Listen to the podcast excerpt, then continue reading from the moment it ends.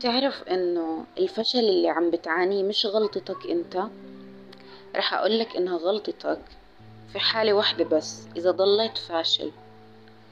بس الجذر تبع الفشل تبعك أو الأساس المنبع تبع الفشل تبعك هاد إشي منقول إلك من أجيال متتالية ومتتالية في عيلتك.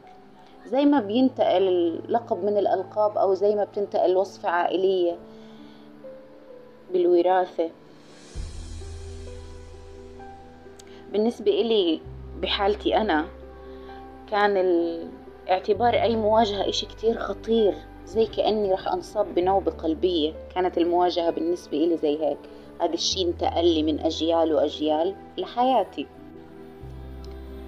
أول ما انولدت وجيت على الدنيا أنت كنت كتلة كتير صغيرة من الفرح. جيت كتلة كتير فرحانة. كنت مخلوق عيونك واسعين. مش قادر تعمل أي شيء إلا إنك تعيش اللحظة وتكون مبسوط فيها. عيونك دايما واسعين ومتحمسين وعندك كل هذا الحماس بروحك وكل هاي الفرحة بروحك ما كان عندك أي فكرة من إنه عندك جسد ما كان عندك أي فكرة عن ولا شيء. ما كنت بتعرف شو يعني إنك تكون خجلان من هذا الجسد اللي عندك إياه. لما كنت بتطلع حواليك ما كنت بتدرك وجود أي شيء. كل شي كان موجود وبس.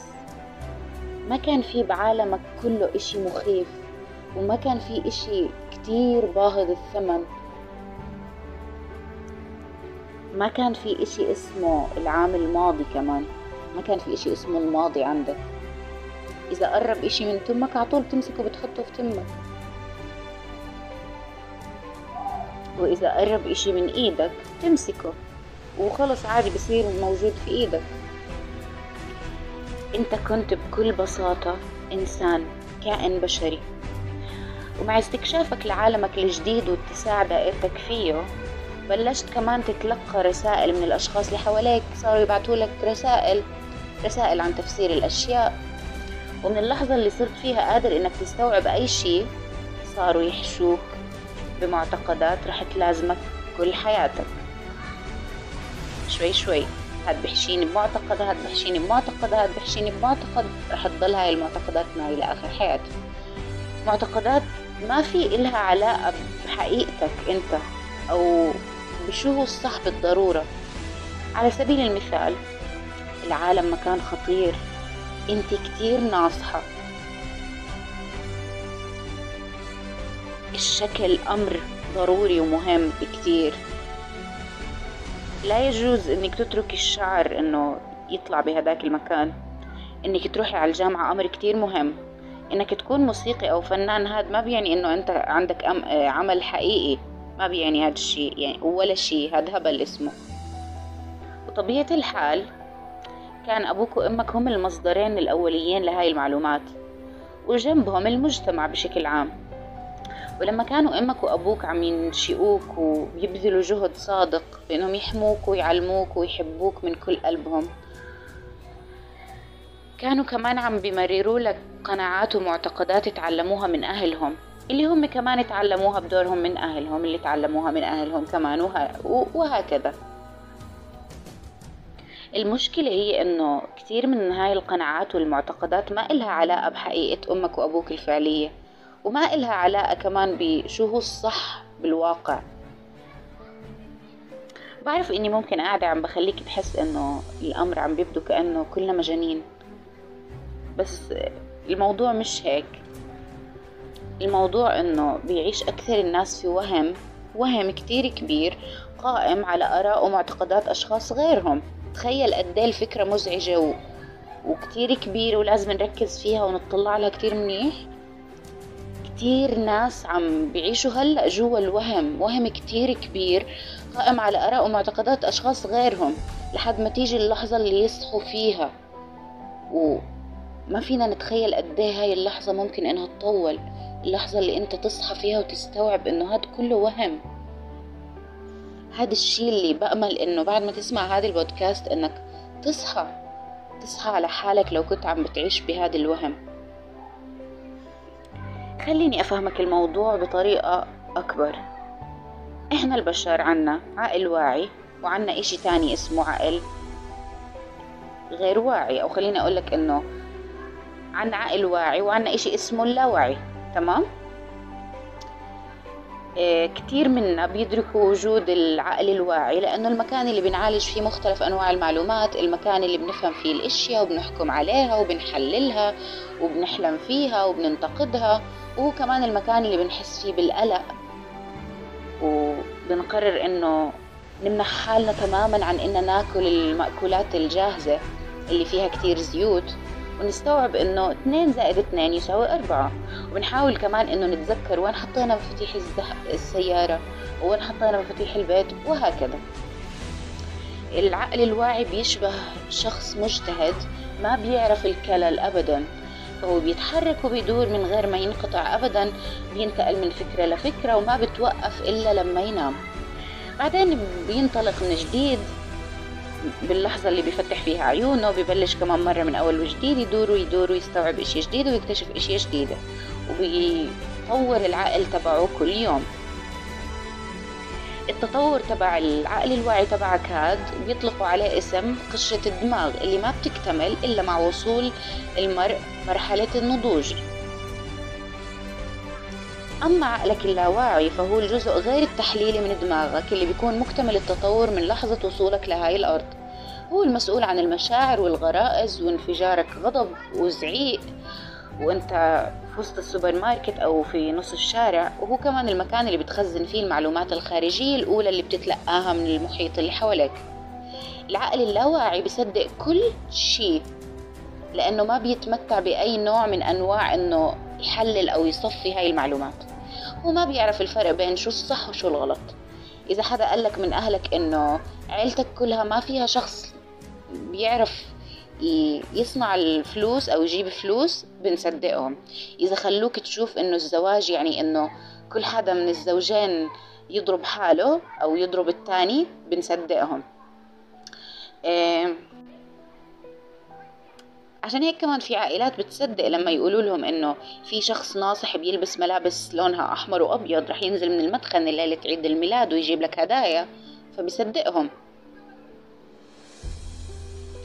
العقل اللاواعي بيشبه طفل صغير ما بيعرف ولا شي. لهيك مش بالصدفة إنه ناخد القسم الأكبر من المعلومات هاي لما نكون أطفال صغار ما بنعرف شي. هذا لأنه الجزء الأمامي من الدماغ أي اللي هو الجزء الواعي من عقلنا لسه ما بلغ لسه ما اكتمل تطوره ما وصل لمرحلة النضج. القشرة الدماغية ما وصلت لمرحلة النضج أو التطور. فبتجينا المعلومات من خلال الكلمات والابتسامات والوجوه المعصبة والزفرات الثقيلة والحواجب المرفوعة والدموع والضحك إلى آخره. كل هذا بيجينا من الأشخاص اللي عم بيحيطوا فينا. من غير ما يكون إلنا أي قدرة على تصفية أي شيء منها. فكلها بتيجي زي هيك وبتترسخ في عقولنا الصغيرة على إنها حقائق. بيطلقوا عليها أحيانا اسم المعتقدات. فبنعيش هناك من غير ما نتعرض لأي إزعاج ومن, غير ومن غير ما نخضع لأي تحليل لحد ما نلاقي حالنا بعد عشرات السنين مهما تمر سنين نلاقي حالنا ممدودين على تخت المعالج النفسي أو بنلاقي حالنا عم نخضع لنوع من إعادة التأهيل. وفي أكد لك كمان إنه كل ما سألت حالك وأنت عم تبكي شو هي مشكلتي؟ إيش مالي؟ مالي. أوقات كثير بتحس بهذا الشيء فالجواب كله بيكون كامن في قناعة خليني أحكي لك قناعة عرجة عم بتحد من الحركة تبعك. أنت مش قادر إنك تمشي مستقيم أو مش قادر إنك تمشي بأريحية. وهاي القناعة كامنة في اللاوعي. القناعة هاي كامنة في اللاوعي تبعك. عم تحملها معك من غير ما تدرك إنها موجودة. وهذا الشي بيعني إنه إنك تفهم هذا الأمر أو تفهم هاي القناعة له أهمية كتير كبيرة. خلينا نستعرض هلأ النقاط كلها اللي حكيناها من بداية الشي لهلأ. أول شي عقلك اللاواعي بيتضمن مخطط حياتك كله. بيدير المشهد كله اعتمادا على معلومات مش مصفية مش محللة. اكتسبتها لما كنت طفل صغير يعني هاي المعلومات اللي بيطلقوا عليها اسم معتقدات. اثنين إحنا غافلين تماما أكتر الأحيان عن إنه هاي المعتقدات الكامنة في اللاوعي. ما بنعرف إنها موجودة إحنا غافلين عنها بس عم بتدير حياتنا كلها. ثلاثة. لما يصير عقلك الواعي متطور آخر الأمر ويصير مستعد للعمل بيضل محكوم. مهما كان عقل كبير ذكي ومعتد بحاله بالمعتقدات اللي بيحملها في عقله اللاواعي رح يضله محكوم لهاي المعتقدات. عقلنا الواعي بيظن إنه ماسك زمام الأمور بس هو مش هيك. عقلنا اللاواعي ما بيظن أي شيء ابدا وما بيفكر بأي شيء ابدا بس ممسك بزمام الأمور. هذا هو السبب اللي بيخلي أشخاص كتير من بيننا يمشوا بحياتهم بائسين أو متعثرين ما بيفعل ما بيعملوا أي شيء ما بيفعلوا أي شيء. وبيعملوا بس الشيء أو بيفعلوا بس الشيء اللي عقولهم الواعية تعرف إنه لازم ينعمل. بس بنفس الوقت بضلوا حايرين عم بيعيشوا الحيرة. هم جوا الحيرة. عم تمنعهم من خلق الحياة الرائعة اللي لازم يعيشوها أو بدهم إياها. خليني أعطيك مثال مثال تمام؟ آه على سبيل المثال أنت عشت في عيلة أبوك كان عم بيعاني من صعوبات مالية دايما. كان دايما بيمشي بالبيت بيركل أي شيء قدامه وهو معصب وعم بيقول إنه المال ما بنقدر نقطفه عن الشجر. هذا الأبو اللي كان عم بهملك لأنه عم بيمضي كل الوقت برا البيت بحاول إنه يجني المال اللازم لحياة أسرتك. بس أغلب الوقت كان عم بفشل. اللاوعي تبعك استقبل هاد كله بشكله الظاهري وممكن يكون خلق لحاله معتقدات. زي المال يساوي صراع وغضب المال ما في إله قيمة. أبوي كان عم بهملني والمال هو المذنب الوحيد بهالشي. المال سيء بسبب الألم. نرجع لك لما صرت شخص راشد. ما بيحب عقلك الواعي إشي أكتر من إنه يتمرغ في وفرة المال إنه يكون عم بسبح جوا المال عم بجني مال كتير. بس اللاوعي تبعك قليل الثقة بالمال. إيه، عنده معتقدات بإنه مش متاح لك. وهو قلقان من إنه الناس اللي بيحبوك رح يتركوك إذا نجحت بإنك تجني الفلوس. وبهذا الوقت من الممكن إنك تعبر عن معتقداتك اللاواعية هاي من خلال إنك تضلك مفلس مهما حاول عقلك الواعي إنه يجني الفلوس. أو من خلال إنك تجني فلوس كتير مرة بعد مرة بعدين تضيعه لحتى تتجنب هجران الأشخاص اللي بتحبهم. وحتى تتجنب أشياء ما إلها حصر من المنغصات. مهما كان الشي اللي بتقول إنك بدك إياه إذا ما كان عندك اعتقاد لا واعي بيقول إنه هذا الشي رح يسبب لك الألم رح تعمل أحد الأمرين التاليين. أول شي ما رح تسمح لحالك إنك تحققه. تاني شي رح تسمح لحالك إنك تحققه بس رح تكون كتير مزعوج منه. وهذا الشي بيعني إنك رح تلاقي طريقة بإنك تضيعه من بين إيديك. إحنا ما بندرك إننا بنكون مدفوعين بعقولنا اللاواعية. مش بعقولنا الواعية. لما ناكل القطعة الرابعة من الحلوى اللي بنفضل بإن ما ناكلها أو لما نتجاهل الحدس تبعنا ونتجوز هذا الشخص اللي هو كتير شبه أبونا مثلا اللي هو كان شخص سيء عم بيعمل تصرفات سيئة عم بيأذي إمنا. وبهذا الوقت إحنا ما بنكون مدركين إنه في تعارض بين معتقداتنا اللاواعية والأشياء والخبرات اللي عقلنا الواعية وقلوبنا بدها إياها. فهذا الشي بيخلق نزاع مربك محير بين الإشي اللي بنحاول نخلقه وبين الإشي اللي بنخلقه في الواقع. هذا الشي بيشبه إنك تسوق السيارة مع وضع إحدى القدمين على واحدة على دواسة الوقود والثانية على المكابح. من الواضح إنه كمان كلنا عنا معتقدات جيدة تماما بس ما بنحكي عن هاي المعتقدات بهاي اللحظة. عم نحكي عن الاشياء السيئة اللي ممكن إنها تدمر حياتك. خليني أعطيك بعض السيناريوهات اللي ممكن إنها تخلي إشي يصحى في مخك وممكن ما تخلي إشي يصحى بس خليني أقول لك إياها. العقل الواعي بيقول بتمنى إني ألاقي رفيق روحي بتمنى ألاقي الشخص هذا وأتجوزه العقل اللاواعي شو بيقول؟ العلاقات الحميمة بتأدي للألم والمعاناة. فبالتالي إصبعك صفى من غير خاتم ما تجوزت وما ما عملت هذا الشي. عقلك الواعي بيقول بدي أنزل وزني عشرة, عشرة كيلو بدي أنحف عشرة كيلو. عقلك اللاواعي بيقول الناس مش آمنين لازم أبني درع يحميني وأضلني ناصحة. بالتالي جسمك قلعة من الشحوم والدهون. العقل الواعي بيقول بحب أسافر وألف العالم كله. العقل اللاواعي بيقول المتعة يعني إنك شخص غير مسؤول يعني ما حدا رح يحبني. فبالتالي جواز سفرك خالي من أي ختم. هذا الشي بيعني لي إنه مثلا أو بيشبه شي إنك تكون مش قادر تتمتع بإنك تقعد على بلكونة بيتكم لأنه المكان هناك فيه ريحة بشعة فيه ريحة كريهة مش قادر أنت تحتملها. فيك إنك تلجأ لهاي الوسائل الذكية لتتعامل مع المشكلة. إنك مثلا تولع بخور تحط مراوح تتهم الكلب تبعك بأنه هو مصدر هاي الريحة بس مشكلتك رح تضل موجودة. ورح تضل حياتك كلها عم بتفوح بهاي الريحة البشعة لحد ما تدرك إنه في شي زحف تحت البلكونة تبعك ومات هناك. المفتاح الأول لتتخلص من هاي المعتقدات اللاواعية اللي عم بتحد من الحركة تبعك والقدرات تبعك هو إنك تدرك إنها موجودة. لأنه عقلك الواعي رح يضل مشغول بأنه يبحث عن طرق يحل فيها هاي المشكلات. يفكر بأنه يدهن الغرفة يدهن البلكونة مثلا أو الغرفة تبعك اللي أصلا مدفون تحتها في لاوعيك. واللي ما حدا بيشوفها اللي هو الحيوان الميت اللي ريحته عم بتفوح وعم بتسبب هاي الريحة البشعة فعقلك الواعي بيروح شو بيعمل؟ بيدهن الغرفة لحتى يجملها من برا بس هي من جوا فيها ريحة بشعة لحد ما يجي الوقت اللي تدرك فيه حقيقة الأمر. وقبل هذا الإدراك رح تكون محاولاتك كلها على الفاضي. وقف دقيقة واستوعب كل المساحات اللي ما بتعجبك في حياتك. فكر في المعتقدات الخفية اللي يمكن تكون سبب في وجود هاي المساحات المزعجة بحياتك. خلينا ناخد كمان مرة المثال الشائع تبع قلة الفلوس.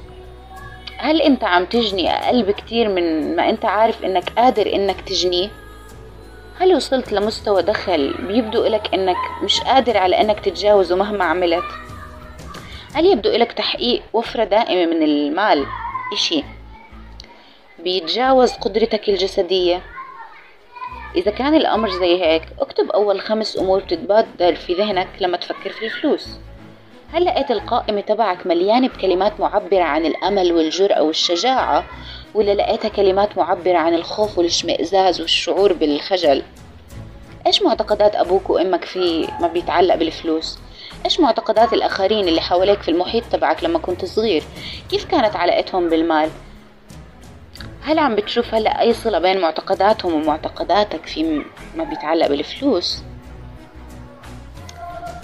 خلينا بالوقت الحالي نلاحظ كل شي عم بصير بهاي المساحات في حياتك اللي ما بيعجبك فيها حالك هلأ. لحتى تقوي العضلة تبع الانتباه والإدراك اللي هي إلها أهمية كتير كبيرة اللي إحنا بدنا إياها تصحى. بلش تطلع على الحكايات اللي عم تحكيها لحالك في اللاوعي تبعك. لازم أقوم بأشياء بكرهها لحتى إنه أقدر أجني المال. لازم أحس بإني عالق في مصيدة. إذا دخلت في علاقة حميمة أو دخلت في علاقة حب إذا اتبعت نظام غذائي أو إذا عملت حمية أو رجيم ما رح أقدر إني آكل الأكلات اللي بحبها. بما إنك لسه مش قادر إنك تشيل الحيوان الميت اللي موجود من تحت البلكونة تبع بيتك وتتخلص منها رح يضل هذا الشي موجود لحد ما تدرك حقيقة مصدر الريحة البشعة هاي. وهالشي بيعني إنك ضروري ضروري ومهم ولازم تحط حد للمعتقدات اللاواعية وتتخلص منها. وبالتالي اتيح المجال لدعوة معتقدات وخبرات جديدة في حياتك تطورك في حياتك وتخليك تعيش حياة رائعة. لازم تستوعب هاي الإشياء لازم تستوعب المعتقدات اللي حشوها في دماغك من لما كنت بيبي صغير. لازم تدرك إنها موجودة لازم تهتم بإنها موجودة لازم تستوعب بإنه هاي المعتقدات يمكن أنت عم بتجرها لهلأ معك بحياتك وعم تأذيك بحياتك عم بتضرك في حياتك. فبليز بلش حس إنها موجودة بلش اعترف إنها موجودة بلش ادرك إنها موجودة. عم بقول لك كل هاد لأني بدي أساعدك إنك تعيش حياة خالية من هاي المعتقدات السيئة اللي ما إلها علاقة بحقيقتك الحلوة الحقيقة الحلوة اللي ربنا بده إياك تعيشها وتدرك إنها موجودة. فادرك وجود هاي الأشياء السيئة لحتى تبطل عم تأذي حالك بهالشي وتعيش الحياة الرائعة اللي أنت تستحقها.